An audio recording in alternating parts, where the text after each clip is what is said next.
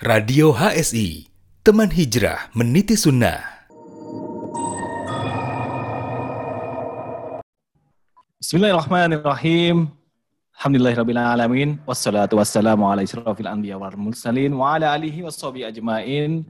Alhamdulillah, para pendengar semuanya, apa kabar? Masya Allah. Nah sekali malam ini, saya Deksa kembali bisa menemani Anda. Ya, karena rekan saya udah yoga, sekarang lagi tugas negara. Masya Allah. Oke, okay. Kalau udah yoga sekarang lagi tugas negara, maka saya sekarang berbahagia sekali bisa menemani Anda kali ini. Ya, karena uh, malam ini seperti biasa. Malam ahad ini kita akan bincang-bincang tentang dunia kesehatan para pendengar. Masya Allah. Ya, kalau ngomong tentang dunia kesehatan, banyak sekali ya. Apalagi yang berhubungan dengan pria. Wah, Masya Allah nih. Dalam banget bawaannya. Baik, pendengar, sebelum saya coba akan angkat sebuah tema di malam ini sebelumnya kita akan berbagi informasi untuk Anda. Jangan lupa bahwasanya kali ini kita uh, menemani Anda ya dan Anda juga bisa bergabung nanti bersama dengan Radio HSI yang kali ini kita disiarkan dari Probolinggo bersama dengan narasumber kita insya Allah malam ini ya salah satu dokter yang akan menemani kita. Dan jangan lupa pendengar untuk Anda semuanya para sahabat Radio HSI siaran ini bisa Anda simak melalui Radio HSI ya silakan Anda bisa kunjungi website kita dan juga nggak cuma di website kita aja ya, di channel YouTube juga ada. Search aja ya. Nah, mudah kok. Tinggal cari aja Radio HSI. Kemudian juga di fanspage Facebook juga ada. Instagram juga ada insya Allah ya. Sweet TV. Pokoknya ada 10 medsos yang akan bisa Anda akses ya nah di acara malam ini. Baik, pendengar di mana pun Anda berada, kali ini saya sudah terhubung bersama dengan narasumber kita beliau adalah salah satu dokter, ya, salah satu dokter yang akan menemani kita malam ini. Baik, kita langsung aja sama beliau. Nah, yang berada di ujung sana, di ujung jaringan kita. Baik, kita akan sapa bersama dengan Dokter Aswin. Assalamualaikum, dokter.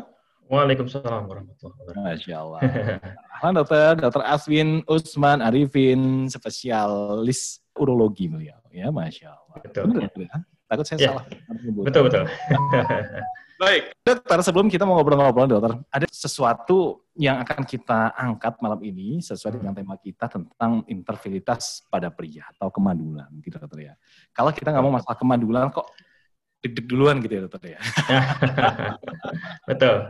Ya, Bisa karena jadi faktor nih. Betul, betul. Karena memang ternyata dokter, data yang sempat kita baca begitu ya, ada kasus kemandulan atau infertilitas selama ini identik sebagai masalah perempuan semata. Ternyata menurut data, lebih dari 50% penyebab kemandulan justru datang dari pria. What? Gitu loh. Saya sampai kaget gitu ya. Selama ini memang yang lebih banyak sih para umahat yang disalahkan ya ketika nggak punya keturunan begitu ya, lebih arahnya kok kayaknya jangan-jangan nih pasti yang di just dulu begitu para umahat. Gitu. Ternyata enggak. Iya, faktanya di lapangan seperti itu. ternyata 50% datanya ternyata kemandulan ini datang dari pria, begitu. Dan ada beberapa informasi juga dokter yang kita dapat diperkirakan saat ini kasus kemandulan yang terjadi di dunia ini sebesar 15 persen dan lebih dari 50 persen penyebab kemandulan tersebut datang dari kaum pria. Nah, kita mau bahas masalah ini, Dokter Aswin. Tentu yang lebih paham, ya kita akan ngorek-ngorek begitu, dan kita akan berbagi juga informasi untuk para pendengar semuanya ya di seluruh Indonesia, khususnya peserta HSI begitu. Bersama dengan Dokter Aswin, Dokter, benar nggak sih Dokter apa yang sudah saya sampaikan tadi di awal itu memang hampir angkanya juga ternyata berada di posisi puncak itu penyebabnya adalah di pria. Gimana Dokter? Silakan. Ya, betul. Uh, pertama-tama, Bismillah, Assalamualaikum warahmatullahi wabarakatuh. Waalaikumsalam. Alhamdulillah, wassalatu wassalamu ala rasulillah, wala ali Ajmain, Amabad. Ya pertama perkenalkan nama anak Swin Usman Arifin, anak spesialis urologi kebetulan uh, anak berpraktek di Tangerang. Uh, betul tadi yang disampaikan oleh ahli Deksa bahwa penyebab ketidak apa-apa, penyebab ketidaksuburan pada suatu keluarga 50% yang terjadi adalah laki-laki. Memang fakta di lapangan bahwa para suami itu cenderung egonya karena tinggi ya, merasa dia tidak merasa ada masalah, akhirnya memang betul cenderung menyalahkan istrinya. Wah ini istrinya nih yang bermasalah nih gitu. Periksa periksa. Sementara suaminya sendiri tidak pernah mau diperiksa. Terjadi pada beberapa pasien anak sampai 8 tahun, suaminya tidak mau diperiksa, sampai akhirnya katakanlah dipaksa oleh istrinya, ayo dong coba berobat, kamu juga diperiksa, gitu, seperti itu. Akhir baru ketahuan, suaminya ternyata ya bermasalah di situ. Jadi memang faktor ego dari seorang laki-laki mungkin sini berperan dan Anda sih sarankan pada keluarga yang qadarullah belum dikarunia anak, belum dititipkan oleh anak oleh Allah, mungkin adanya untuk menurunkan ego masing-masing terutama dari pihak suami gitu. Karena fakta di lapangan seperti itu, apabila suami dan istri saling bekerja sama, saling bersemangat untuk mencari penyebabnya apa, kemudian juga tidak usah merasa malu, tidak usah merasa dan apabila akhirnya diponis, misalkan si laki-laki itu mandul. Toh insya Allah selama ada solusinya insya Allah masih bisa dicoba. Apa ada ada solusi dari bidang kesehatan. Mungkin seperti itu. Akhirnya baik dokter. Cukup menarik. Seperti yang sudah disampaikan oleh dokter Asin barusan Anda menangkap sebuah kata adalah ada solusi begitu ya. Sebelum kita ngomong masalah solusi, kemudian kita berbicara tentang penyebab faktor utama yang ingin Anda tanyakan, dokter, kemandulan itu apa? Memang bawaan memang dari awal gitu ya? Secara genetik atau memang penyebabnya itu berada di tengah-tengah gitu perjalanan seorang pria apakah setelah berkeluarga dan lain-lain bisa disebabkan penyakit atau virus dan lain-lain bagaimana jenis pengelompokan dari kata penyebabnya uh, ya. sendiri baik silakan oke okay. yang pertama harus dipahami dulu definisi ketidaksuburan bagi pria itu apa gitu jadi kapan seseorang itu bisa difonis atau bisa didiagnosis tidak subur oleh dokter. Ketidaksuburan pada laki-laki ini kalau kita merunut pada definisi WHO, yaitu adalah seorang laki-laki pasangan seksual aktif yang tanpa kontrasepsi sudah satu tahun menikah, tapi dia belum juga belum juga diberikan momongan, belum juga berhasil untuk menimbulkan kehamilan pada istrinya. Jadi ada batasan waktu satu tahun, kemudian pasangan seksual aktif. Jadi kadang-kadang Mungkin ada keluarga yang suaminya kerjanya jauh, untuk intensitas apa nama aktivitas seksualnya tidak terlalu sering. Ya ini belum bisa kita katakan tidak subur karena frekuensi aktivitas seksualnya tidak terlalu intens, tidak terlalu sering. Tapi kalau memang seorang pasangan tersebut tinggal satu rumah, seksual aktif, kemudian sudah satu tahun menikah belum diberikan momongan, itu sudah warning. Sudah satu tahun lebih belum diberikan momongan, sudah warning. Harus segera mencari tahu baik suami atau maupun istri cari tahu penyebabnya di mana masalahnya di mana. Nah, tadi kita bicara masalah penyebabnya pada laki-laki secara umum di kedokteran itu dibagi tiga. Pretestis, di testisnya, dan setelah testis. Kalau pretestis itu maksudnya sebelum organ di sebelum testis ada yang mengatur itu di bagian otak, di bagian hipotalamus dan hipofise. Jadi ada kelainan di situ. Ini kelainan di situ. Kemudian kalau di bagian testisnya sendiri bisa apa namanya ada riwayat tumor, bisa ada riwayat testisnya terpuntir, ada riwayat trauma, misalkan kecelakaan, testisnya kena, bisa juga karena ada riwayat infeksi. Biasanya kadang-kadang harus diwaspadai. Mungkin kita istilah pada yang infeksi apa penyakit gondongan yang suka ada bengkak di leher, ada demam, itu kadang-kadang infeksinya bisa menyebar ke testis. Nah, lama kelamaan itu bisa menimbulkan ketidaksuburan kalau tidak ditangani secara segera ya. Kemudian juga apa bagi post testisnya itu setelah or, setelah testis itu ada organ namanya vas, uh, namanya epididymis, vas deferens dan kemudian ada vesikulasi melanis dan fermentan tepat keluarnya sperma. Nah, kalau di bagian post testis itu biasanya lebih banyak disebabkan oleh akibat infeksi akhirnya terjadi sumbatan. Mungkin secara singkatnya seperti itu, ah, Nah, dokter. Berarti penyebabnya bisa memang bisa terjadi kecelakaan sampai terjadi bermasalah di bagian testis, akhirnya ini menjadi penyebab begitu ya, ya. Bisa jadi seperti itu. Ya. Oh ya, ada yang aneh lupa itu ya. ada juga kelainan di penis itu pada kelainan bawaan biasanya dia penyakitnya pospadia. Jadi dia lubang kencingnya itu tidak di ujung penis seperti yang normal biasanya. Hmm. Itu bisa di pertengahan penis, bisa di per, bisa di perbatasan antara penis dan skrotum, bisa juga di perbatasan antara skrotum dan anus. Nah, gitu ada ada ada lokasi ini seperti itu itu secara teori itu uh, tidak memungkinkan untuk terjadinya konsepsi atau uh, terjadi proses kehamilan tidak memungkinkan. Hmm. Nah, jadi tidak akan harus dioperasi. Kemudian satu lagi impotensi pun bisa berpotensi untuk menimbulkan kemandulan. Impotensi maksudnya disfungsi ereksi ya. Ya. Itu. Impotensi terjadi karena memang kemandulan dulu atau memang terbalik, dokter?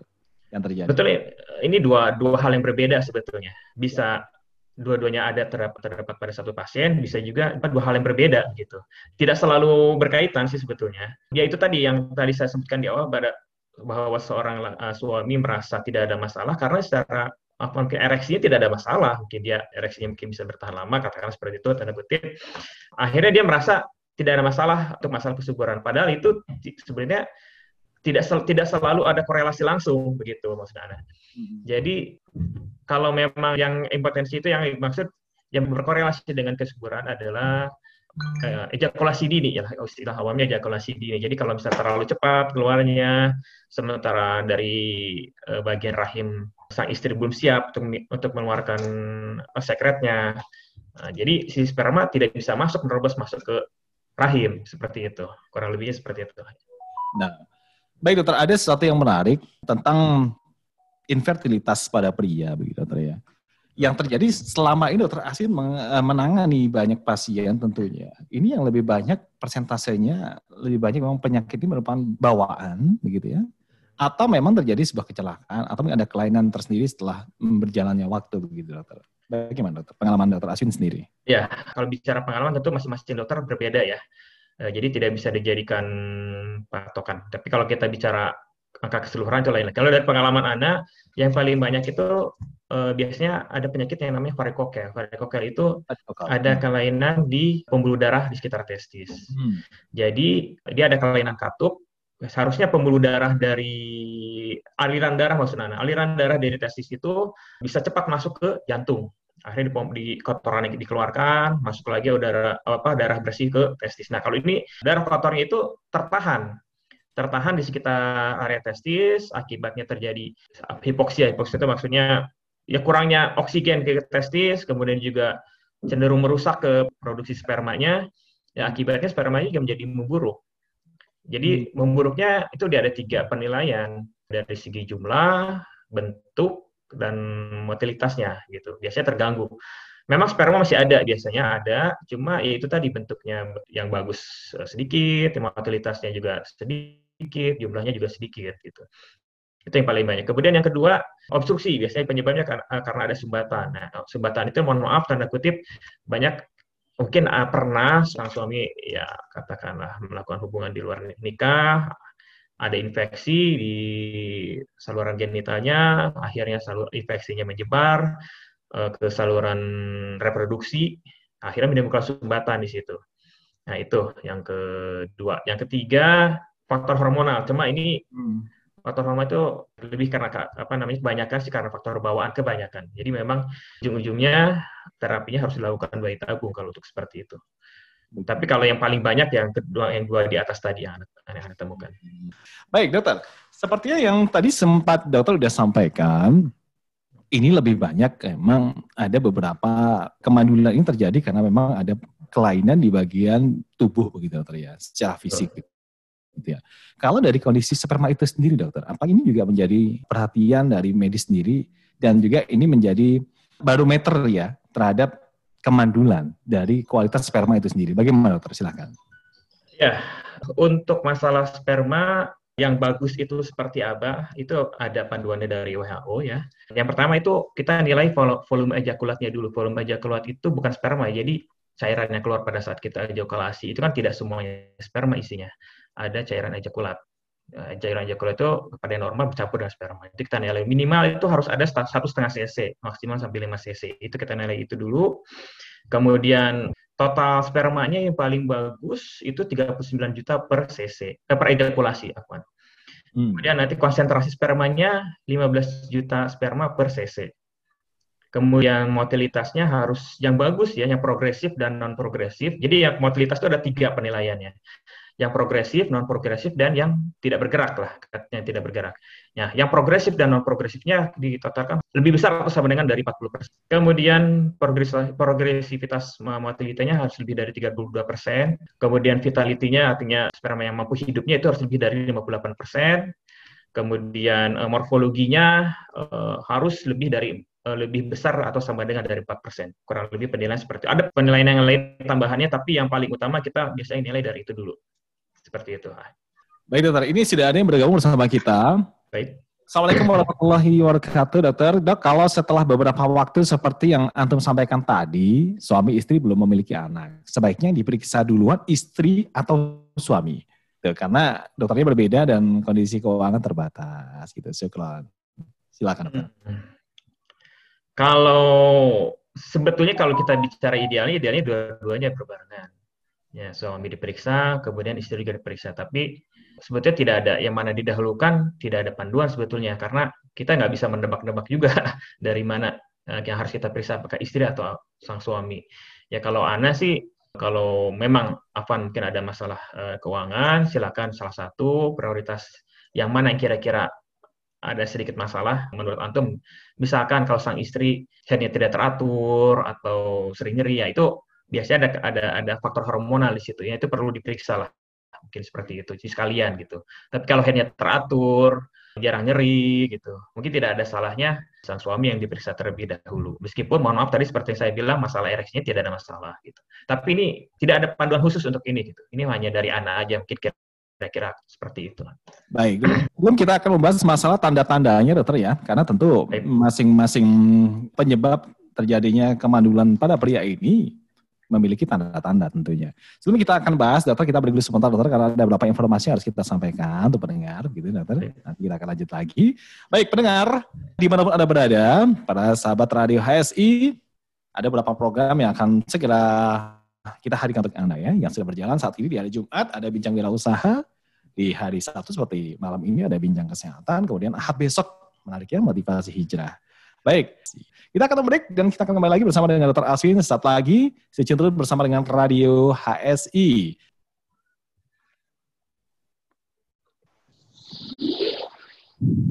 Sahabat Radio HSI, untuk menjadikan weekend malam Anda lebih bermanfaat, kami hadir menemani Anda dengan berbagai program menarik berikut ini. Setiap Jumat dengan program Bincang Wirausaha. Yang bakal melaporkan secara tetap begitu ya. Konteksnya lebih luas lagi dua masalahnya. Iya benar. Jadi ini baru dua cabang, kemudian tidak akan berencana buka lagi mungkin mas. fokus dulu pada dua ini ya. Ya sampai kondisi juga ya mas. Sekarang benar, benar. masih setiap Sabtu dengan program Bincang Kesehatan. Kita nggak mau belajar gitu, kita kalau nggak mau belajar jadi terus saja kita akan takut terus itu eh, apa namanya ya lebih baik kita mempelajari sehingga kita tahu langkah-langkah apa yang harus kita lakukan untuk mengatasi kolesterol ini gitu mas. Dan, dan setiap ahad dengan program Bincang Motivasi Hijrah. Tidak memundurkan antum atau tidak mematahkan semangat antum untuk tetap jadi peserta ya Pak? Alhamdulillah enggak ya, karena ini se sebenarnya mimpi anak dari dulu gitu. Dulu ketika mulai ngaji, eh, mulai ikut-ikut kajian yang lebih intens di... Ingat, pukul 20 tinggal 21 lebih 30 menit waktu Indonesia Barat. Jangan lewatkan kisah-kisah menarik, menginspirasi, dan bermanfaat. Anda juga bisa berinteraksi langsung dengan para narasumber melalui line interaktif 0811 37074. Barakallahu fikum. Radio HSI, teman hijrah meniti sunnah. Alhamdulillah, kembali lagi bersama dengan Radio HSI ya uh, para pendengar semuanya dan tentu dengan satu program kita malam ini bersama dengan Dr. Aswin yang sudah standby untuk bisa memberikan informasi untuk Anda tentang infertilitas atau kemandulan pada pria. Waduh. Jadi ya, Anda boleh kita akan belajar untuk malam ini para pendengar ya. Nah, kira-kira apa sih tanda-tandanya sesuai yang tadi udah kita sampaikan untuk Anda ternyata 50% ya. Kemandulan itu tidak hanya datangnya pada wanita, ternyata juga diketahui 50% itu bersumber pada para pria. Nah, ini dia ya. Baik, silakan. Untuk Anda mungkin ada yang merasakan sedikit kendala mungkin atau ada keluhan ya yang mungkin jangan-jangan jangan-jangan gitu sementara Anda juga kalau Allah mungkin sampai saat ini ya belum diberikan momongan ya. Silakan kita bisa berdiskusi di sini di 0811 37074 ya. Sertakan pertanyaan Anda melalui WA atau langsung telepon melalui WA di 0811 37074. Itu dia. Kita akan kembali bersama dengan narasumber kita, bersama dengan Dr. Aswin. Baik dokter, kalau kita berbicara tentang kemandulan yang saya dengan tema kita, infertilitas pada pria, kira-kira tanda-tandanya apa ya dokter ya? Mas dari masing-masing itu. Seperti tadi dokter juga sempat menyebutkan bahwasanya gondok ya dokter ya, yang berada leher, itu juga ya, memiliki hubungan penyebab juga terjadinya kemandulan pada pria. Kira-kira yang lain dan Oh, iya. Ciri-cirinya seperti apa, dokter? Silahkan. Jadi uh, sekaligus tadi menambahkan pertanyaan yang sebelumnya untuk perhatikan pada suami apa tanda-tandanya ya, tanda-tanda apa yang harus patut dicurigai uh, terjadi gangguan ketidaksuburan daripada pria itu. Yaitu yang pertama testisnya itu ada apa enggak gitu. Kadang-kadang sudah sampai usia 30 tahun dia baru sadar bahwa testisnya satu tidak ada atau bahkan dua-duanya nggak ada sama sekali gitu. Nah, kondisi itu jelas berpengaruh terhadap pertumbuhan sperma. Apabila testis tidak berada di tempatnya, otomatis pertumbuhan sperma itu yang tidak baik. Bahkan dia akan cenderung menjadi potensi keganasan menjadi kanker. Nah, seperti itu. Satu ukuran, yang kemudian juga alat kelamin sekunder. Alat kelamin sekundernya baik apa tidak? Contohnya, mohon maaf, eh, apa ya, bulu di sekitar kelamin mungkin ya. Kemudian juga ya. jakun pada laki-laki, gitu suaranya. Itu ada kelainan atau tidak atau tidak itu harus perhatikan.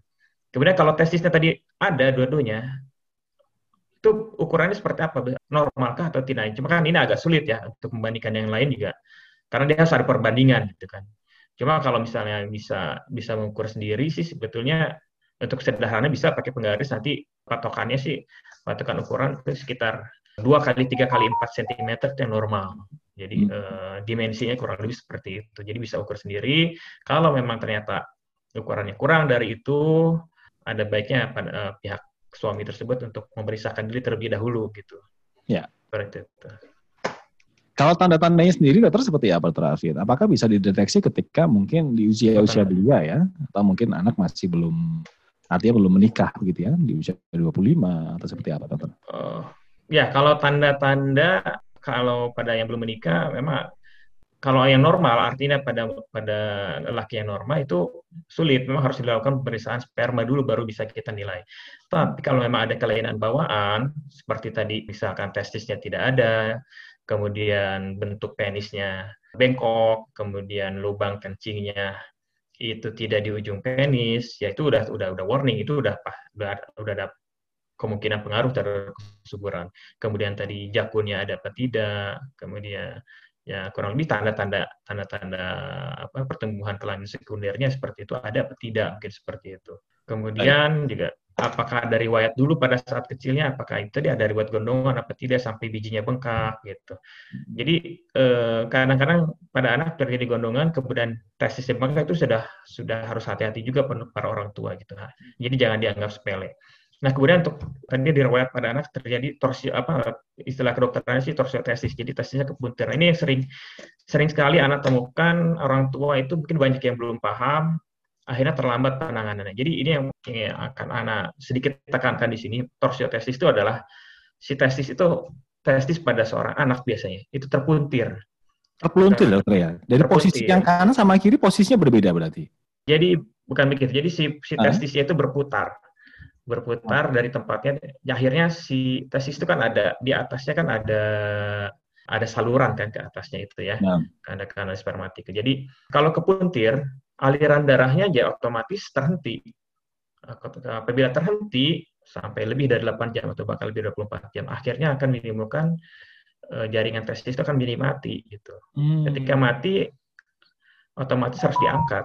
Jadi begini, torsiotesis itu gejalanya pada anak-anak eh, biasanya nyeri tiba-tiba, nyeri tiba-tiba pada saat bangun tidur, eh, mengeluh si anak kepada ibu, eh, ibunya misalnya, ya. Bu, ini tetes uh, biji, biji anak sakit sebelah kanan tiba-tiba pada saat bangun tidur. Nah, itu jangan dianggap remeh itu. Kadang-kadang orang tua hanya menganggap remeh, kemudian ya. Nah ini juga tindakan selanjutnya sebisa mungkin bawa ke rumah sakit yang ada dokter urologinya gitu. Kenapa? Karena sering anak temukan juga bahwa hanya bawa ke klinik, hanya apa nih, anda tidak ada tendensius atau apa-apa. Kadang-kadang bawa ke dokter umum, kadang-kadang dokter umum pun ada yang belum paham mengenai torsiotesis itu seperti apa gejala. Akhirnya penanganannya terlambat. Jadi sebetulnya golden period untuk torsiotesis itu harus 8 jam harus sudah tertangani. Kalau operasi harus operasi gitu. Ada yang juga yang bilang sampai 24 jam. Jadi tidak boleh lewat dari itu. Kalau lewat dari itu otomatis testisnya mati akhirnya harus diangkat. Nah ini menimbulkan potensi ketidaksuburan pada saat usia dewasa nanti gitu. Hmm. Nah sebisa mungkin pada saat nyeri itu langsung dibawa ke rumah sakit yang ada dokter urologi diperiksa kalau butuh operasi langsung melakukan operasi. Ya, itu insya Allah masih bisa katakanlah selamat testisnya masih bisa berfungsi normal kembali. Nah itu kira-kira tambahannya. Iya terjadinya terpelintir tes itu kepada anak yang sering terjadi begitu dokter ya. Itu gara-gara apa dokter? Apa gerakan sendiri? Apa mungkin adik-adik itu mungkin terlalu hiperaktif atau seperti apa dokter? Memang biasanya gerakan tiba-tiba sering memakai eh, celana yang ketat, terlalu ketat karena kan apa terlalu ketat kan terlalu terdorong gitu. Si testisnya terdorong akhirnya ketika dia kembali ke normal dia mungkin kepuntir gitu. Seperti itu eh, penjelasan sederhana seperti. Tapi kebanyakan memang tidak diketahui ya itu tadi tidak diketahui itu pada saat bangun tidur tiba-tiba langsung gitu, langsung terasa nyeri gitu. Tapi kemungkinan yang eh, kita perkirakan dari kami sebagai pihak dokter bahwa terjadi itu karena gerakan tiba-tiba saat bangun langsung bangun mungkin ya akhirnya si testisnya ketarik dan akhirnya terkuntir mungkin seperti itu kira-kira. Baik, cukup menarik. Baik, kembali dokter. Ini ada beberapa pertanyaan kita akan bacakan dulu. Dokter, apakah begadang akan mempengaruhi fertilitas pada laki-laki dari Fulan ini?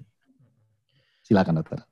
Ya, kalau begadang banyak faktor ya. Bisa enggaknya mungkin secara tidak langsung ya bisa, karena faktor kesehatan tubuh seorang pria juga uh, sangat dibutuhkan untuk membentukkan sperma yang baik gitu. Ketika tubuh kita uh, sering apa sering begadang otomatis juga apa namanya terjadi gangguan metabolisme pada tubuh karena tubuh yang harus istirahat ini malah dipaksa bekerja. Mungkin saja bisa bisa ada kaitannya apa timbulnya infertilitas pada pria gitu. Makanya saran saya memang tidak kalau tidak perlu untuk apa begadang ya tidak perlu begadang gitu. Karena memang syariat Islam pun masih syariatkan seperti itu ya. Nah, betul betul. Apalagi kalau kita berada di zamannya Umar bin Khattab ya masya Allah. Masya Allah. Oke, pertanyaan berikutnya dokter, apakah infertilitas ini dapat disebabkan oleh konsumsi makanan dan minuman? Khususnya ini yang suka kopi mungkin dokter ya. Atau mungkin minuman soda. Sekarang lagi ngetren loh dokter ya. Di mana-mana kopi itu masya Allah. Panjang banget. Seperti itu. Kalau penyebab langsung biasanya karena zat-zat pengawet kemudian zat karsinogenik yang bisa menyebabkan kanker gitu. Ya itu bisa. Jadi eh, ketidaksuburannya akibat sering memakan atau minum apa zat makanan yang mengandung itu tadi ya zat-zat yang mengandung karsinogenik gitu bahan pengawet. Akhirnya mungkin efeknya karena tidak langsung terhadap pertumbuhan spermanya tapi bisa menimbulkan keganasan pada testis gitu. Ketika, ketika terjadi tumor pada testis otomatis pembentukan sperma akan tidak tidak berlangsung baik seperti itu. Baik cukup menarik. Terkala berbicara tentang kesuburan seperti itu dokter ya. Selain tanda-tanda seperti yang tadi varikokel kita berbicara tentang varikokel dokter. Varikokel itu kalau nggak salah ketika si seseorang begitu ya mengalami varikokel itu kayaknya sering pingsan dan lain-lain seperti itu dokter ya. Mungkin ada tanda-tanda yang lain yang mungkin bisa dideteksi dari awal dokter. Yang paling sering karena tadi eh, dokter menyebutkan hmm. adalah varikokel dan tanda-tanda ini seperti apa. Jadi mungkin para pendengar, khususnya para hewan hmm. bisa mengantisipasi dan bisa memeriksakan diri secara pribadi gitu ya. Periksa mandiri itu bisa nggak dokter dideteksi sendiri? Silakan. Insya Allah bisa sih. Uh, jadi begini, varikokel sebetulnya bukan sering pingsan sih, tapi lebih ke arah tidak nyaman atau nyeri di bagian testis atau sedikit di atas testis, ya perut di bagian bawah uh, ya. sampai sampai perut bagian bawah ya kurang lebih seperti itu. Jadi tidak melulu nyeri karena tidak nyaman. Yang tidak nyaman itu kan uh, kadang-kadang orang sering mengabaikan ya. Jadi karena merasa tidak nyaman saja ya udah nggak perlu diobati, nggak perlu apa. Padahal mungkin itu sudah ada varikokel. Gejala yang apa yang bisa kita deteksi lagi itu eh, mohon maaf di, diraba aja testisnya.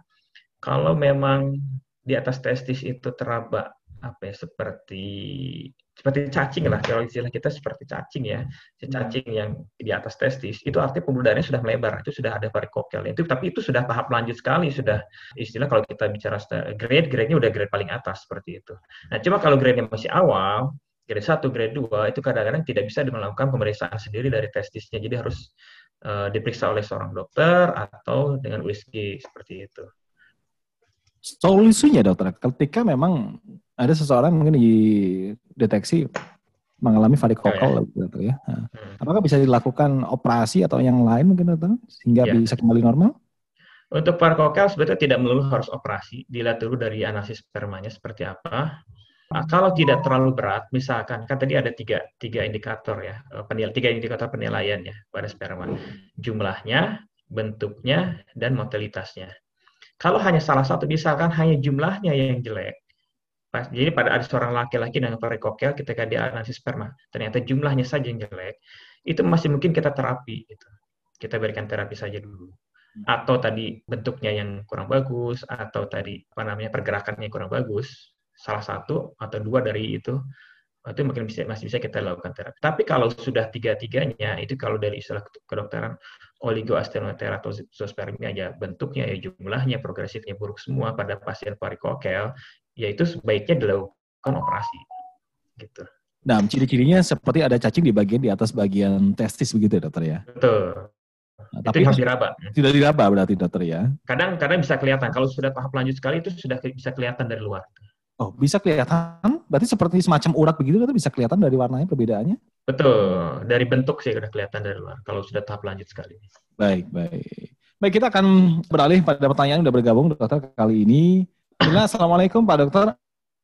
Ini ada dua pertanyaan. Yang pertama, apakah keluarga atau pria yang sudah memiliki anak di kemudian hari dapat juga terkena infertilitas ini?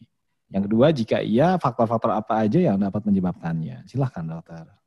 Ya, untuk pertanyaan pertama ya bisa sangat mungkin sekali seorang pria yang awalnya sudah eh, mempunyai anak, kemudian setelah itu dirasa sulit untuk mempunyai anak yang berikutnya, apakah anak kedua, ketiga atau keempat gitu ya.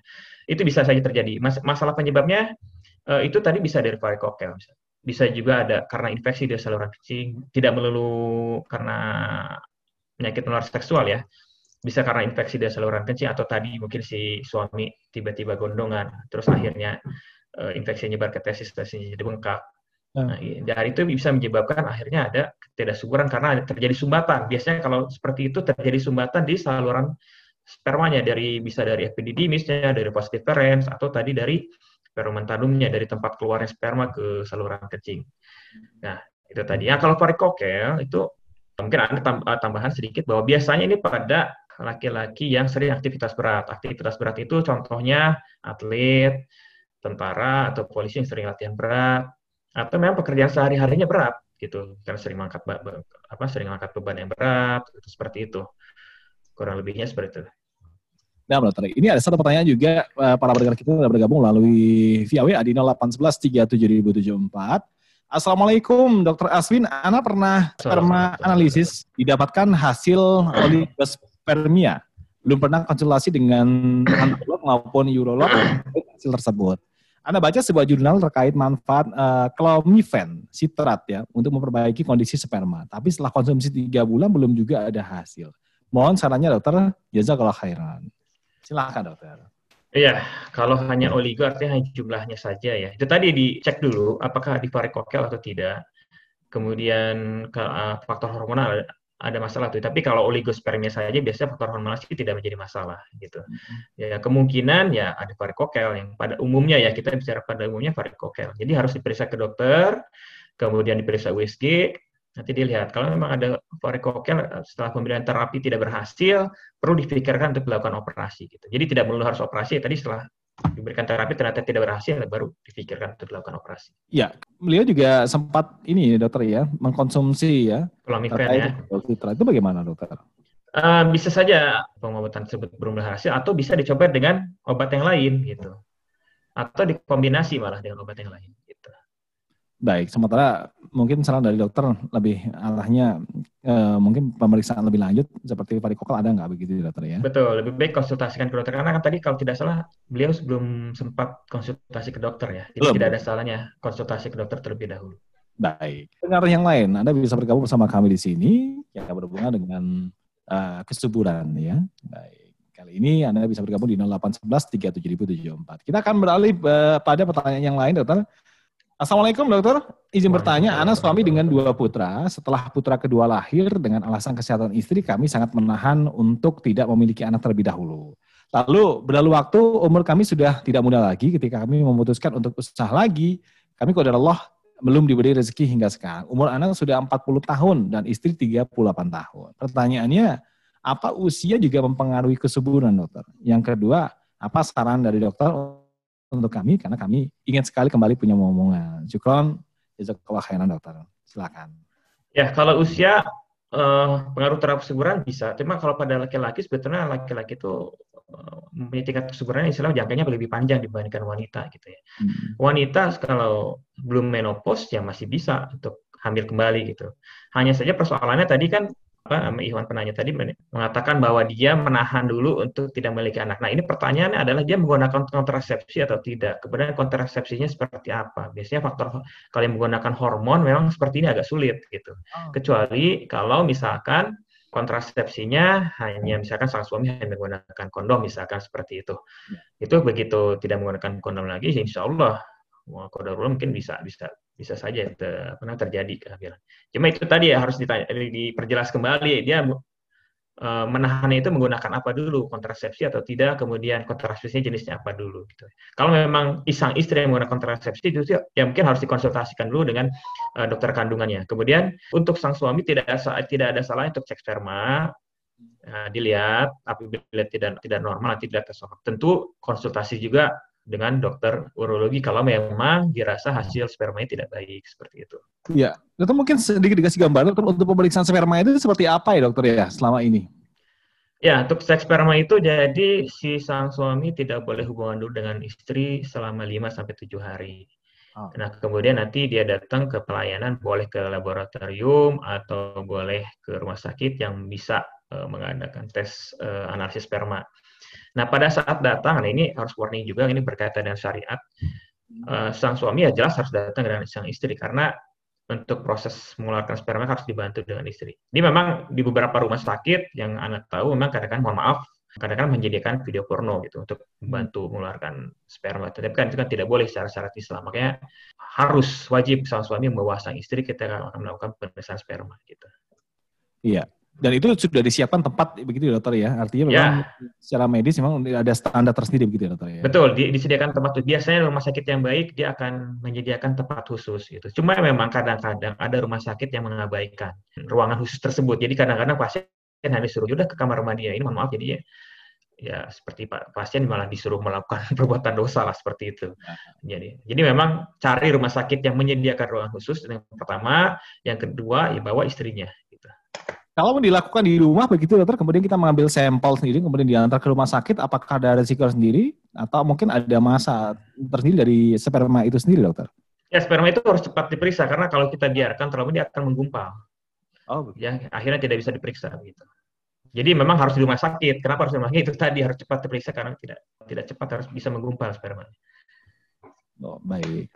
Baik pendengar, pendengar radio HSI ya di beberapa berada cukup menarik ya bahasan kita bersama dengan Dr. Aswin masih banyak waktu. Baik, kembali bersama Dr. Aswin. Dokter, ini ada beberapa pertanyaan juga yang sudah bergabung bersama kita. Bismillah, Assalamualaikum Pak Dokter. Anda ingin bertanya, dokter, apakah, mohon maaf, ukuran buah zakar yang berbeda dapat mempengaruhi kadar hormon dan infertilitas pada pria? Silahkan, dokter.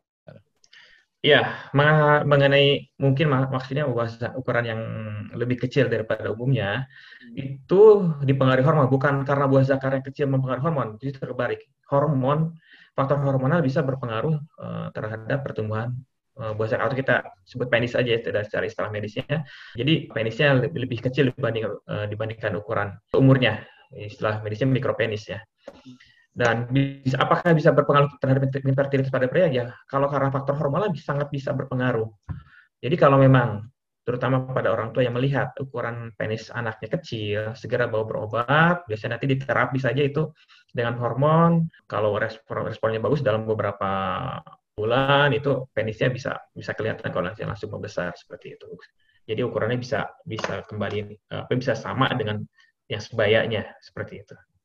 Baik, jadi berbicara tentang ukuran itu sebenarnya impact-nya seperti apa sih terhadap kesuburan? Apakah memang dari karena memang kurang adanya dorongan ya ketika terjadi pembuahan proses pembuahan itu sendiri atau mungkin ke kecilnya penis itu mungkin penyebab berubahnya hormonal atau bagaimana dokter? Ya itu tadi sebetulnya kalau tidak ada faktor hormonal ukuran penis sebenarnya tidak ada pengaruh terhadap kemungkinan terjadi kehamilan. Hmm. Cuma itu tadi penyebab penisnya kecil itu sebagian besar yang disebabkan oleh faktor hormonal sehingga hormonal hormonal seksual pria terganggu otomatis juga pembentukan spermanya juga akan terganggu seperti itu. Baik, dokter ada sesuatu yang menarik nih Baik. di di bungkus-bungkus rokok itu kan sering terjadi. Iya, ya, kita Oh iya. Nah, mumpung ada dokter Aswi di sini mungkin bisa sedikit bisa menjelaskan ternyata rokok itu juga bisa menyebabkan kemandulan. Begitu.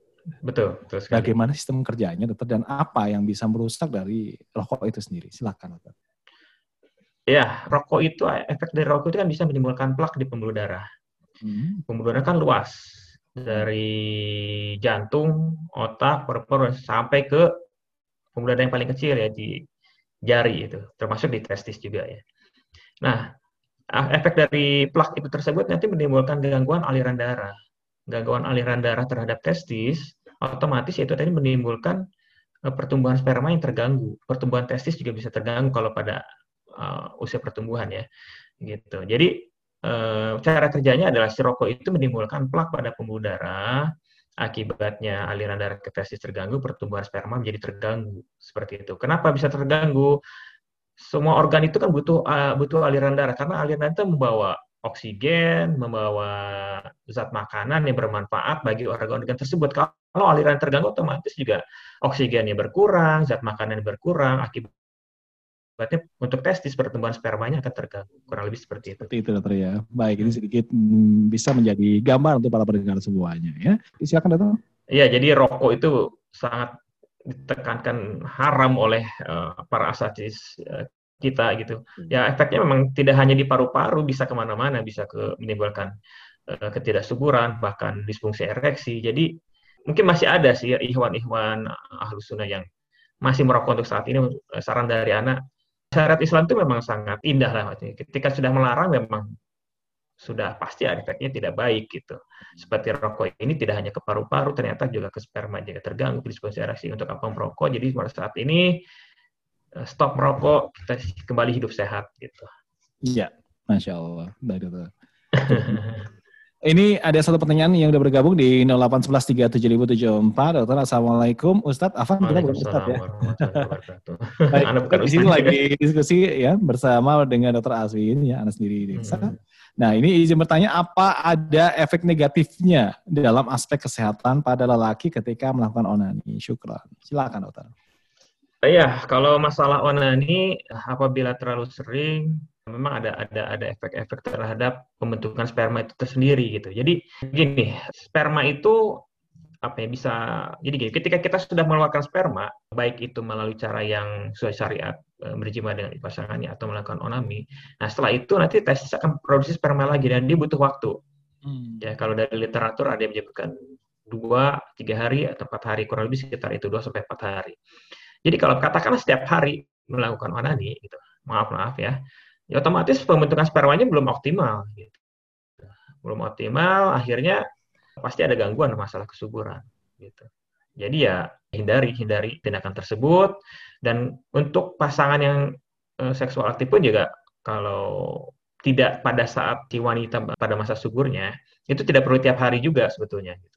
Nah, kecuali pada saat si wanita eh, pada masa ovulasi, masa kesuburan gitu. Itu memang disarankan oleh beberapa literatur untuk jika tidak ada salah dicoba tiap hari untuk berjima gitu dengan istrinya siapa tahu itu menimbulkan hasil gitu seperti itu kurang lebihnya jadi kembali ke pertanyaan untuk masalah onani ya tentu tidak baik akan mengganggu pertumbuhan sperma apalagi kalau bisa dilakukan tiap hari seperti itu Baik, kalau tanda-tanda dari sperma sehat sendiri seperti apa, dokter? Apakah orang awam bisa mendeteksi sendiri, dokter? Sulit ya, kalau untuk sperma, karena kita nilai secara mikroskopis gitu. Hmm. Tapi kalau ada kelainan, kadang-kadang kalau ada sperma bercampur darah, itu otomatis ada masalah di prostatnya, dari infeksi prostatnya otomatis bisa juga pengaruh pada kesuburan. Gitu. Kemudian juga apakah ada nanah atau bahkan sampai bau, berbau sekali gitu spermanya lain dari bau yang biasanya itu ya itu tanda-tanda tanda-tanda bisa kita deteksi ya tapi selebihnya sangat sulit untuk kita nilai sendiri ya karena memang pemeriksaannya kebanyakan secara mikroskopis gitu Baik, lebih detailnya seperti itu ya. Oh ya, satu tambahan mungkin. Ya, silakan. Dari jumlahnya aja, jumlah sekret yang dikeluarkan. Jadi jumlah cairan yang kita keluarkan itu banyak atau tidak gitu.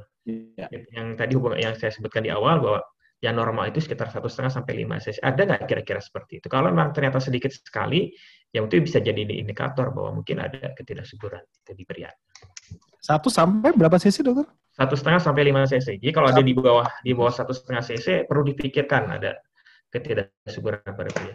Dan itu bisa terjadi faktornya mungkin kecapean bisa jadi kan dokter ya, nggak cuma uh, faktor-faktor yang menakutkan dari infertilitas ini sendiri ya, mungkin kecapean atau mungkin kurang istirahat bisa terjadi seperti itu ya dokter ya.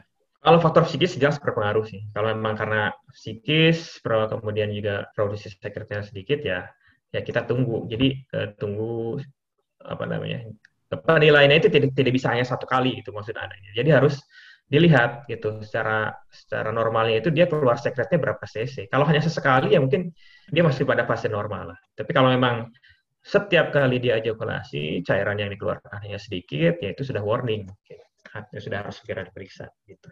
Baik, dokter, hubungan antara impotensi dan ejakulasi dini seperti apa, dokter? Iya, untuk uh, hubungan impotensi dan ketidaksuburan seperti. Jadi begini, kalau misalnya tadi saya jelaskan bahwa ketika kita berjima, ketika mohon maaf, eh, penis masuk ke dalam vagina maksud ketika vagina belum siap, belum mengeluarkan sekretnya, tetap tapi penis apa seorang uh, pria ejakulasi dini baru satu menit sudah keluar misalkan.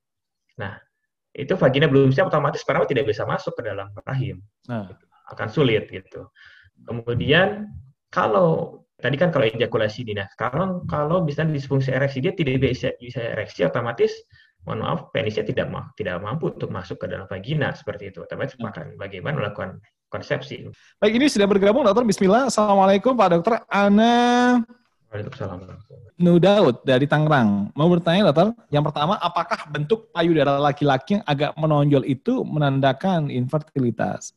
Yang kedua, apakah sedikitnya atau lambatnya rambut yang tumbuh mencirikan juga uh, infertilitas? Yang ketiga, bagaimana cara atau tips-tips untuk memperbaiki atau menjaga kesuburan? Syukron, jazakumullah khairan. Silahkan dokter. Ya, kalau pertanyaan pertama dan kedua tadi payudara yang sedikit uh, menonjol, kemudian pertumbuhan maaf bulu ya tadi ya bulu di sekitar kelamin ya kalau tidak salah ya, ya sedikit, ya itu tanda-tanda bahwa ada kelainan hormonal di pasien tersebut gitu ya. Itu sudah warning jadi harus di, harus segera periksakan ke dokter, cek hormon. Uh, apalagi kalau sampai mohon maaf payudara laki itu sampai mengeluarkan sekret ya dari payudaranya itu hmm. itu gangguan hormonalnya udah Eh, mungkin sudah banyak banyak hormon yang terganggu di situ. Seperti itu. Nah, tadi pertanyaan ketiga tipsnya ya, tips ya. untuk menjaga kesuburan. Yang jelas ini hidup sehat, hidup sehat. E, pertama dari faktor makanan tadi e, jangan terlalu banyak mengkonsumsi makanan atau minuman yang menggunakan bahan pengawet. Kemudian juga e, apa namanya? Sering-sering berolahraga, jangan malas bergerak gitu. Terutama lagi sekarang sedang pandemi Covid, hanya di rumah saja, tidak mau tidak mau olahraga ya justru salah perbanyak olahraga kemudian tadi waktu tidur juga harus cukup jadi tidak tidak boleh terlalu banyak begadang otomatis apa namanya berpengaruh terhadap faktor kesuburan. Faktor psikis juga berpengaruh juga apakah dia dengan sang istri hubungannya harmonis atau tidak, apakah ada masalah di keluarga, masalah pekerjaan itu karena berpengaruh baik terhadap ereksinya, baik eh, terhadap apa namanya pertumbuhan spermanya juga kadang-kadang itu bisa berpengaruh gitu. Baik dokter, kalau barusan kita sempat menyinggung tentang bentuk payudara laki-laki agak menonjol begitu dokter ya. Ini Baik. yang pertama yang disebutkan oleh dokter Alvin adalah salah satu penyebab dari perubahan hormonal gitu. Nah, apakah juga ini berpengaruh pada obesitas, efek dari obesitas itu sendiri dokter? Kadang-kadang kan semakin oh. laki-laki semakin gemuk begitu ya. Kemudian, oh ya, kalau itu lain lagi. Apakah sama itu dokter seperti itu? Silakan dokter. Iya, kalau obesitas mungkin lain lagi karena itu lebih cenderung ke lemak ya, penimbunan lemak. Tapi juga obesitas juga menimbulkan masalah juga terhadap kesuburan, kemudian juga terhadap masalah ereksi juga pengaruh gitu. Jadi ya pada pasien-pasien yang obesitas sebisa mungkin berolahraga, diet ketat untuk mengurangi beban lemak di tubuhnya tersebut gitu. Baik, cukup menarik. Ini dokter ada yang sudah bergabung yang lainnya bersama dengan kita malam ini. Assalamualaikum warahmatullahi wabarakatuh. Izin bertanya dokter, yang pertama seberapa besar pengaruh varikokel terhadap infertilitas pria? Tadi sudah sempat dijelaskan ya, ya. Kemudian yang ya. kedua, pada kondisi seperti apa varikokel sampai harus dioperasi? Dan yang ketiga, apakah satu-satunya jalan hanya dengan operasi?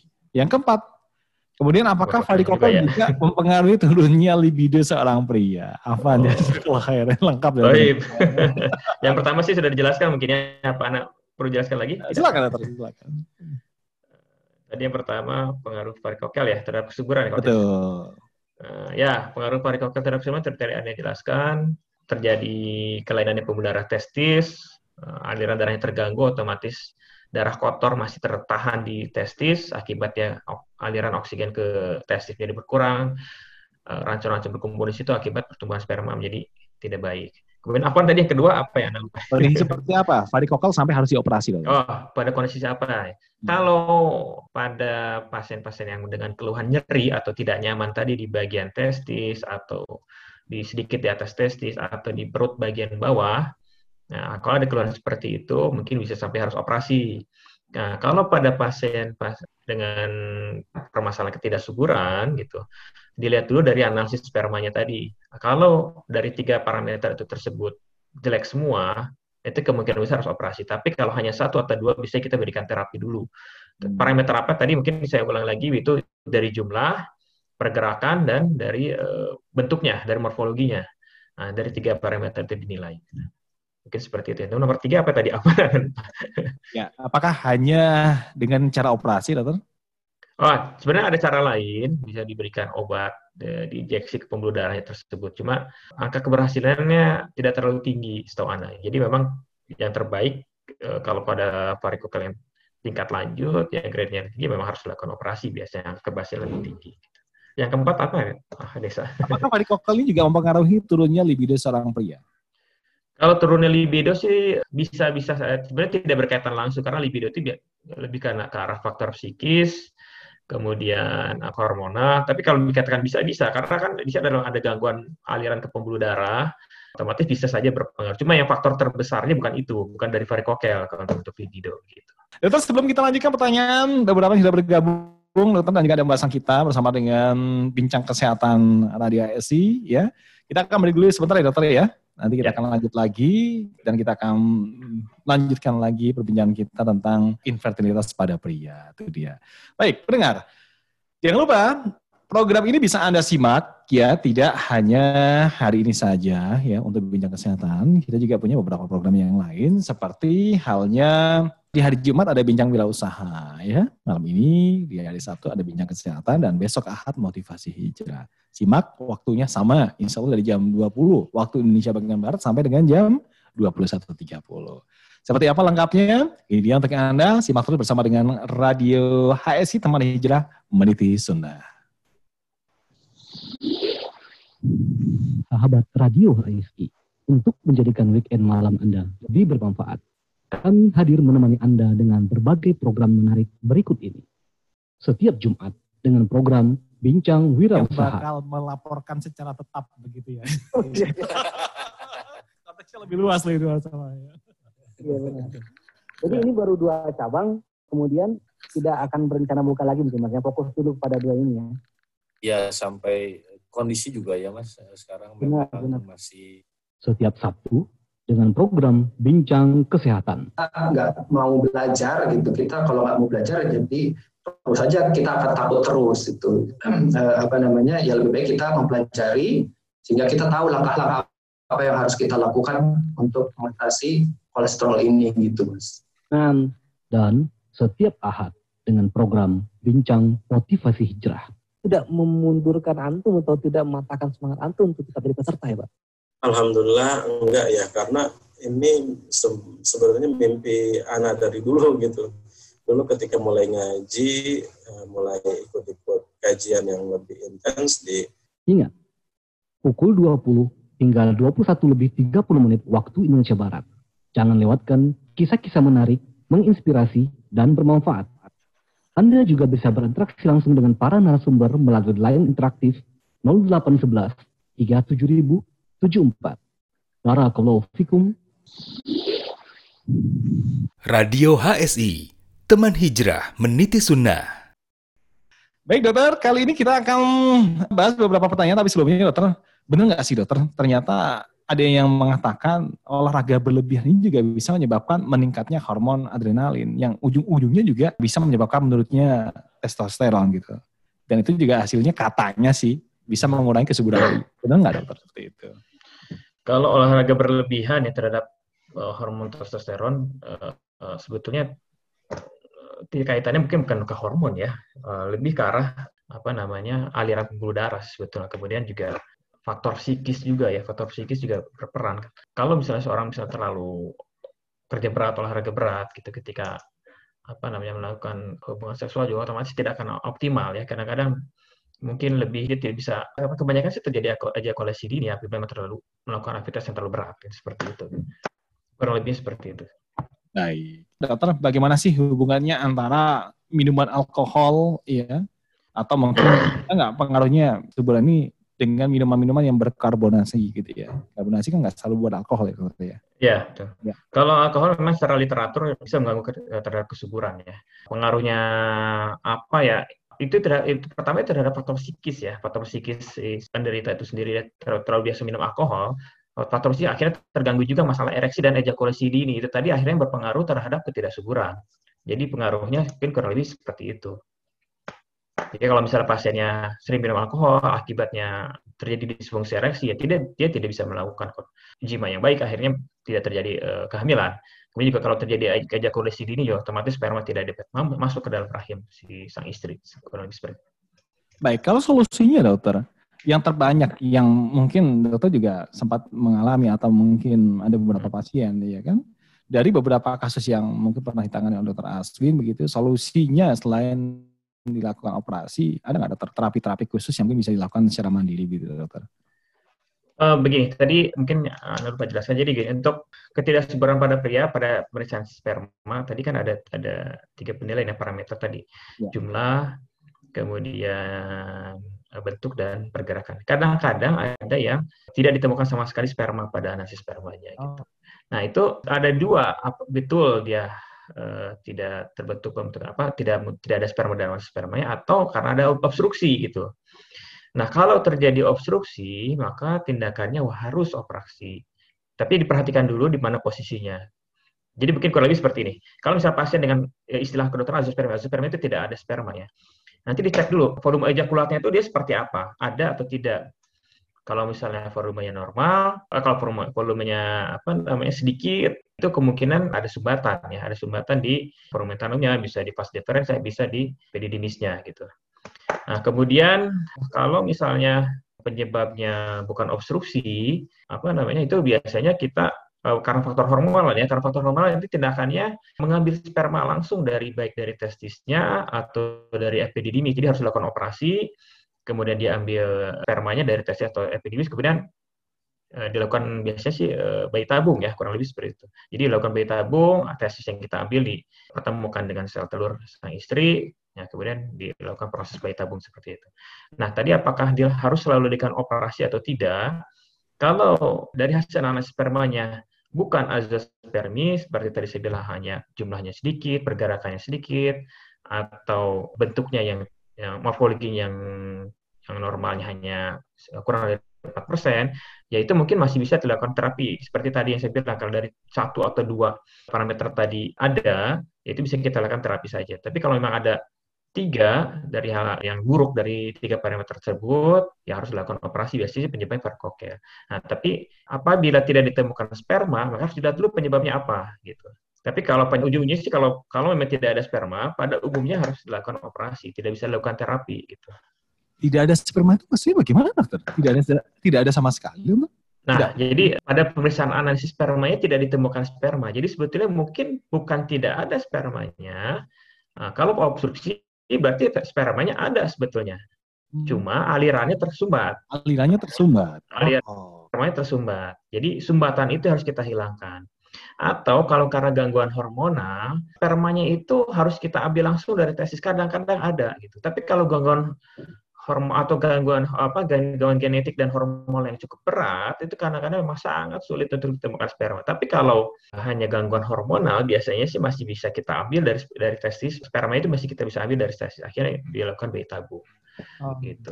Pernah mengalami dengan pasien yang tidak ada sperma begitu. Artinya tidak ada sperma itu apa? Anda ingin memastikan saja artinya di sana tidak ada cairan yang keluar gitu ya dokter. Bukan, bukan. Apa Tidak ada selnya saja? Apa selnya saja? Spermanya saja yang tidak ada. Oh. Kalau cairannya sih bisa ada, bisa tidak ya. Gitu. Kalau tidak ada sama sekali itu menunjukkan lokasi sumbatannya aja di mana. Gitu. Kalau misalnya cairannya hanya sedikit, kurang dari satu cc, mungkin itu hanya hanya kita bisa prediksi kira-kira lokasinya di mana lokasi sumbatannya gitu. Kalau itu penyebabnya obstruksi. Tapi kalau misalkan ternyata cairan sekretnya normal, tapi spermanya tidak ada, dan itu kemungkinan faktor hormonal. Jadi kita harus lakukan operasi di sayat, kantong kemaluannya, kemudian nanti kita dari testisnya itu kita ambil, biasanya kita lakukan biopsi, nanti dari biopsi itu kita cari si spermanya mana, dan spermanya kita ambil. Gitu, karena lebih seperti itu. Kalau terapinya dokter, seperti apa dokter? Terapi apanya maksudnya? Kalau dilakukan hanya terapi saja, apa itu hanya bisa dilakukan secara medis aja terapinya dokter? Terapi untuk pasien yang infertil Ya. seperti itu ya. Ya. Yang yang bukan azospermi ya. Ya, ya. Yang bukan aja kita berikan obat-obatan saja. Oh, cuma obat-obat saja. Obat-obatan saja itu tentu nanti diimbangi dengan pola hidup yang baik dari makanannya, minuman, kemudian dari olahraga juga harus cukup dan faktor psikis jangan lupa. Jadi tidak boleh ada faktor stres gitu pada Yang penting dokter ya sebenarnya. ya. betul. Baik, ini ada pertanyaan yang sudah bergabung dokter di 081137074. Assalamualaikum Ustadz. Afan, kita bukan Ustadz nih. Mau dipahami, kita di sini ngobrol tentang bincang kesehatan bersama dengan narasumber yang sudah uh, pakar di bidangnya gitu ya, insya Allah. Baik, saya mau tanya mengenai ceramah tentang rempah, uh, rimpang dan madu dapat meningkatkan vitalitas pria dan meningkatkan jumlah sperma. Berhubung saya masih lajang, pernah mimpi basah dalam seminggu bisa sampai dua kali. Apakah ini benar dan tindakan apa yang harus saya lakukan? Terima kasih. Gimana, Iya. dokter? Ada hubungannya nggak dokter sama kesuburan? Jika Ya, ini masalah herbal ya. Kalau masalah herbal, Anda kurang mendalami masalah ini. Anda bukan bukan ahlinya ya. Jadi untuk pertanyaan, Kodoro Anda belum tidak bisa menjawab apakah rempah, rimpang termasuk dapat meningkatkan vitalitas dan kualitas sperma. Anda tidak bisa menjawab untuk masalah ini. Tapi tadi ada pertanyaan lagi apa tadi? sepekan bisa sampai dua kali mimpi basah. Ya, kalau mimpi basah sebetulnya bukan akibat eh, makan tersebut ya. Itu tadi kalau mimpi basah bisa kadang-kadang dari kitanya sendiri. Apakah ya paling kalau misalnya belum menikah ada rangsangan-rangsangan sebelumnya yang mungkin akhirnya terbawa ke dalam mimpi, akhirnya terjadi mimpi basah bisa saja terjadi. Gitu. Memang tapi kalau kita bicara normalnya tidak biasanya tidak dalam jangka waktu yang dekat gitu. Biasanya jangka waktunya agak agak lama eh, seorang pria lajang terjadi apa mimpi basah gitu. Kalau memang sangat sering gitu. Ya kalau kalau sangat sering terjadi mimpi basah mungkin yang berperan di sini adalah faktor psikis gitu. Mungkin perlu diperbaiki kalau memang masih lajang Afan apakah eh, ya tanda kutip apakah sudah kebelat untuk nikah atau tidak ya ya segera mungkin kalau belum mampu segera puasa mungkin seperti itu kurang lebih. Ya ini colek pada bujang begitu dokter. ya. Iya. Baik, kita beralih pada pertanyaan berikutnya. Dokter sudah bergabung juga. Bismillah, Assalamualaikum. Dokter, saya ingin bertanya. Saya sudah melakukan pemeriksaan analisis sperma dan didiagnosa astenospermia. Solusinya itu gimana ya dokter? Agar istri bisa hamil alami. Syukran, jazakallah khair dokter. Silahkan dokter Asin.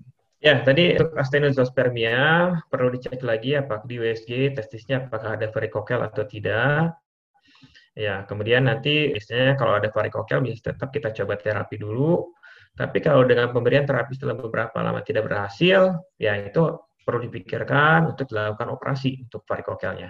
Seperti itu. Jadi bukan bayi tabung tapi ke arah eh, koreksi dari varikokelnya tersebut gitu. Supaya aliran pembuluhannya baik, akhirnya eh, apa namanya? perkembangan spermanya, pertumbuhan spermanya menjadi bagus seperti itu.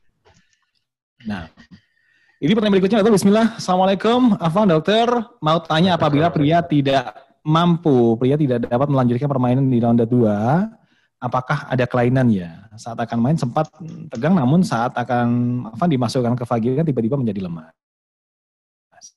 Ini dua ronde ya berarti ya apa betul.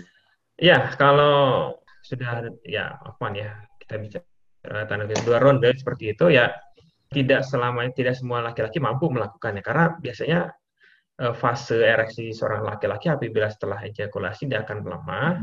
Eh, tergantung dan kadang-kadang tidak semua laki-laki akan mampu membangkitkan atau tidak mampu ereksi lagi setelah itu gitu. Pada beberapa orang mungkin mampu setelah beristirahat beberapa lama dia mampu melakukan lagi. Tapi intensitas ketegangan dari si penisnya itu bisa tetap sama, bisa menjadi berkurang. Tapi yang jelas sih eh, kelainan itu bisa kita nilai pada saat yang pertama itu tadi. Yang pertama bagaimana? Apakah dia bisa mampu bertahan lebih dari tiga menit atau tidak? Kalau sudah bisa, mampu lebih dari tiga menit sudah bisa dikatakan baik gitu. Oh, tiga menit ya, kalau- ya, acuannya ya, Ya. ya. Kalau kita lihat dari literatur kurang lebih tiga menit. Gitu. Ya. Jadi kalau kurang dari tiga menit, eh, kalau pada laki-laki yang baru merasakan keluhan seperti itu mungkin perlu perbaikan pola hidup saja, apakah olahraga, kalau merokok ya jangan merokok, minum-minum alkohol ya juga tidak diperbolehkan. Tapi kalau sudah lama biasanya udah uh, apa mungkin hanya kurang dari satu menit sudah apa namanya sudah ejakulasi otomatis harus sebelahkan terapi begitu. Baik dokter, kalau yang kita berbicara tentang kesuburan ini tentang yang berhubungan dengan penyakit genetik begitu dokter ya. Kesuburan yang uh, faktornya adalah faktor genetik begitu. Ini ciri-ciri seperti apa dokter? Apakah memang benar kalau genetik ini udah nggak bisa dibenahi lagi? Atau mungkin tidak ada upaya untuk malah dilakukan operasi atau seperti apa dokter? Bisa nggak? Ini masa maksudnya penyakit genetik yang Iya, pada, pada kelainan uh, jadi gini bisa bisa ada dua macam ya. Hmm. Ketidaksuburannya itu, itu apakah ada kelainan genetik yang akhirnya berpengaruh terhadap pertumbuhan kelamin si sang pria ya, Ya. atau terhadap pertumbuhan spermanya. Jadi, jadi dua-duanya sih bisa. Kalau kalau genetik sih ya kemungkinan pasti diturunkan gitu. Nah, bagaimana apa tadi pertanyaan tandanya ya apa ya? Iya dokter, tanda-tandanya dan apakah memang harus dilakukan operasi gitu? Oke, kalau tadi kelainan genetik pada pertumbuhan kelaminnya, ya biasanya tergantung itu eh, dilihat dari kelainannya sendiri. Misalkan begini, tadi pada penyakit hipospadia ujung eh, lubang kecilnya tidak di ujung penis, adanya di tengah misalnya, itu otomatis harus diopera- dioperasi supaya naik ke atas, akhirnya nanti ketika dia sudah dewasa melakukan hubungan dengan istrinya, eh, apa namanya, spermanya bisa mudah masuk ke dalam rahim. Nah, tapi ada ada juga kelainan-kelainan yang sulit untuk dilakukan terapi ya. Contohnya yang ambigus genital. Maksudnya ini nggak jelas nih genitalnya itu apakah laki-laki atau perempuan. Misalkan ada ada vagina tapi kok seperti ada penisnya gitu. Ya, ya. Nah, itu itu sebetulnya ada kelainan genetik. Jadi sebetulnya biasanya itu klitorisnya yang besar. Akhirnya seperti penis gitu. Mungkin secara genetik juga eh, kalau laki-laki kan XY, kalau perempuan XX mungkin dia bisa XY atau triple XY dan segala macam XY lagi. Jadi kalau faktor genetik seperti itu sudah sulit sekali, otomatis pertumbuhan sperma pun kadang tidak terbentuk gitu. Kalau yang pertumbuhan apa namanya yang gangguan dari genetik tersebut. Kalau kelainan lain misalkan testisnya tidak turun, dua bisa satu atau dua. Kalau tidak turun pada anak, itu terutama pada anak ya, harus segera dilakukan operasi, tapi menunggu usia di atas 2 tahun biasanya ya. Biasanya kalau sebelum usia udah tahun, kalau tidak turun bisa bisa kita coba terapi dulu dengan terapi hormon. Nah, kalau misalkan dia turun baik, ya sudah tidak perlu dilakukan operasi. Tapi kalau sudah di atas 2 tahun, biasanya sudah tidak optimal dilakukan terapi hormon, otomatis harus dilakukan operasi. Jadi diturunkan testisnya. Misalkan posisinya eh, bisa ada di eh, di atas di atas kantong kemaluan itu kita turunkan. Atau kadang-kadang bisa sampai posisi masih ada di bagian perut. Nah, Hmm. kalau di perut, eh, kalau bisa bisa diturunkan, turunkan. Tuh, dokter ya, dilakukan operasi dokter ya? bisa. Pemilihan seperti itu. Nah, cuma kalau sudah usia dewasa, udah katakan eh, pada saat eh, mau menikah dia baru sadar, misalkan kok tesisnya nggak turun, ya jelas pertumbuhan spermanya akan terganggu, bahkan akan muncul apa namanya kemungkinan terjadi eh, keganasan atau terjadi tumor pada testisnya. Otomatis ya pertumbuhan sperma akan terganggu. Jadi Ketika akan dilakukan operasi pun hasilnya belum tentu akan baik. Mungkin prognosisnya tidak akan baik lah, cenderung buruk untuk pertumbuhan spermanya gitu. Jadi untuk yang kelainan yang bijinya bisa tidak turun harus dilakukan operasi pada saat usia awal tadi, usia Hmm. 2 tahun gitu. Ya, jika terjadi masalah seperti itu, dokter, nah pertanyaannya, apakah itu bisa diturunkan pada generasi berikutnya, pada anak-anak berikutnya? Apakah itu juga bisa menjadi turunan genetik, begitu, dokter? Penyakit yang sudah dialami seperti itu. Ya, bisa sih, bisa, bisa. Ya. Tergantung tergantung kelainannya apa. Tapi kalau kelainan genetik biasanya bisa diturunkan pada anak. Iya. Gitu. Baik. Cukup menarik, dokter. Nggak terasa ini sudah hampir 90 menit lagi kita ngobrol-ngobrol. Masya Allah. Terasa. Iya. Dokter, di menit ke-26 kali ini ada tips untuk kita, dokter, supaya lifestyle kita bisa dirubah, setidaknya apa yang sudah mungkin dialami oleh para pendengar semuanya ya, mungkin juga belum sempat untuk bisa bertanya, mungkin ada sedikit eh, hambatan dan lain-lain gitu ya. Nah mungkin ada saran dari dokter Aswin sendiri terhadap lifestyle kita yang harus dirubah seperti apa sih agar permasalahan infertilitas pada pria ini bisa dihambat mulai usia dini. Silakan. Oh, sejak usia dini ya. Ya, Kalau sejak usia dini faktor makanan harus diperhatikan ya untuk para orang tua berarti untuk menyarankan pada anak-anaknya faktor makannya karena berpengaruh, jangan terlalu banyak pengawet dan segala macamnya ya. Eh, kemudian juga faktor olahraga, seorang remaja lah mungkin harus dibiasakan untuk olahraga, jangan malas bergerak. Ya, akhirnya mungkin terjadi obesitas, obesitas pun nanti akan menimbulkan masalah pada spermanya gitu ya. Kemudian rokok jelas tidak baik, tidak hanya pada paru-paru, juga pengaruh sangat berpengaruh terhadap kesuburan maupun masalah ereksi itu. Alkohol juga ya sangat berpengaruh. Kemudian saat ini mungkin pengaruh internet, pengaruh media sosial yang ya bisa baik bisa buruk. Yang faktor buruknya bisa uh, seorang remaja atau seorang anak sering melihat film porno mungkin mohon maaf ya. Akhirnya melakukan wanita itu itu pun bisa mengganggu. Akhirnya bisa menjadi masalah terhadap kesuburannya gitu. Kurang lebih seperti itu. Baik, kalau uh, di usia mungkin sudah dalam tahap berkeluarga, dokter, seperti apa solusinya, dokter? Dan mungkin tipsnya? Ya, kalau untuk yang sudah berkeluarga, tips yang pertama adalah ketika uh, si, so, apa namanya, suatu, sebuah keluarga belum dikaruniai seorang anak, uh, jangan ada ego, turunkan ego masing-masing. Ya, selain memang berdoa ya, selain itu berdoa oleh, uh, kepada Allah Subhanahu Wa Taala, turunkan ego, jangan menyalahkan pasangannya, tapi coba nilai diri sendiri. Jangan-jangan dirinya lah yang menjadi masalah terhadap ketidaksuburan di ketidaksuburannya gitu. Hmm. Tetapi masalah egonya. Yang kedua, bila setelah lewat satu tahun seksual aktif, belum juga dikeluarkan pasangan, ya tidak ada salahnya segera untuk berkonsultasi dengan dokter.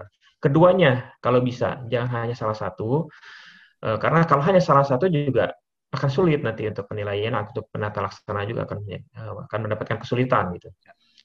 Kemudian pola hidup jelas saat ini mungkin orang lebih apa ya lebih lebih senang kongko-kongko mungkin ya ngopi dan segala macam eh, begadang gitu itu juga pengaruh eh, olahraga tetap wajib dan biasanya kalau orang dewasa faktor psikis ini yang banyak berperan juga nih entah di pekerjaan atau uh, apakah dia harmonis atau tidak dengan sang istri atau di keluarga ya itu juga kalau memang ada ya sebisa mungkin dibenahi selain memang banyak berulang. Cuma anak sih punya pengalaman begini dari teori-teori tadi yang jelaskan di atas gitu. Qadarullah, Ana sering juga dapatkan bahwa yang teori bilang nggak mungkin, itu kadang-kadang mungkin terjadi kehamilan pada pasangan tersebut. Contoh, tadi ada kelainan hipospadi ya. Dia sampai dewasa, sampai menikah itu tidak belum pernah dioperasi sama sekali. Penisnya bengkok, kemudian lubang lubang penisnya itu tidak di ujung penis. Ya, jadi dia ada di tengah-tengah. Secara teori bagaimana dia melakukan? Mohon maaf hubungan dengan istri penisnya bengkok gitu. Tapi dia mampu satu. Ya. Kedua, dia sudah punya anak bahkan bukan cuma satu, dua, masya Allah. Masya Allah. Jadi apabila memang seorang pas, sebuah pasangan belum dikorenet, tidak putus asa untuk selalu berdoa kepada Allah Subhanahu Wa Taala selain memang mencari jalan gitu jalan jalan secara medis gitu ya. ya. Terus melakukan konsultasi dengan dokternya. Kadang-kadang hal-hal yang tidak keajaiban lah, keajaiban itu kadang terjadi karena sering temukan seperti itu. Kemudian terjadi seks spermanya kurang bagus, kemungkinan harus operasi. Eh, malah beberapa kemudian hamil istrinya seperti itu kodarullah. Jadi memang kita harus benar-benar menggantungkan kepada Allah, jangan menggantungkan kepada kami pada dokter gitu. Jadi benar-benar gantungkan harapannya kepada Allah Subhanahu wa taala.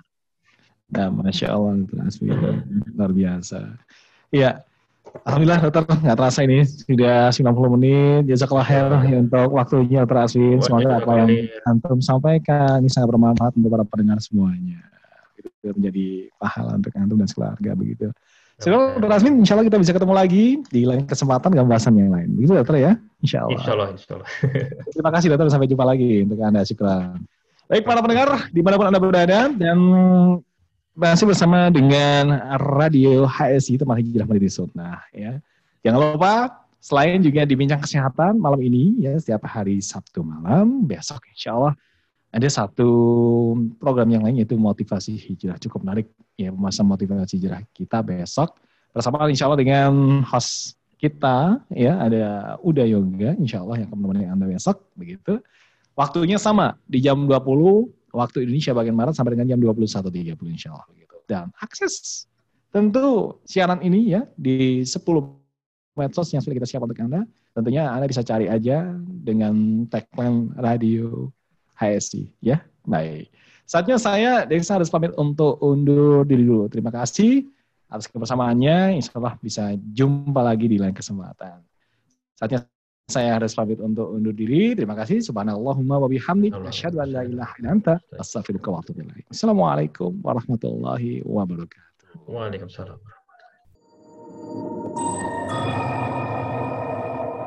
Radio HSI, teman hijrah meniti sunnah.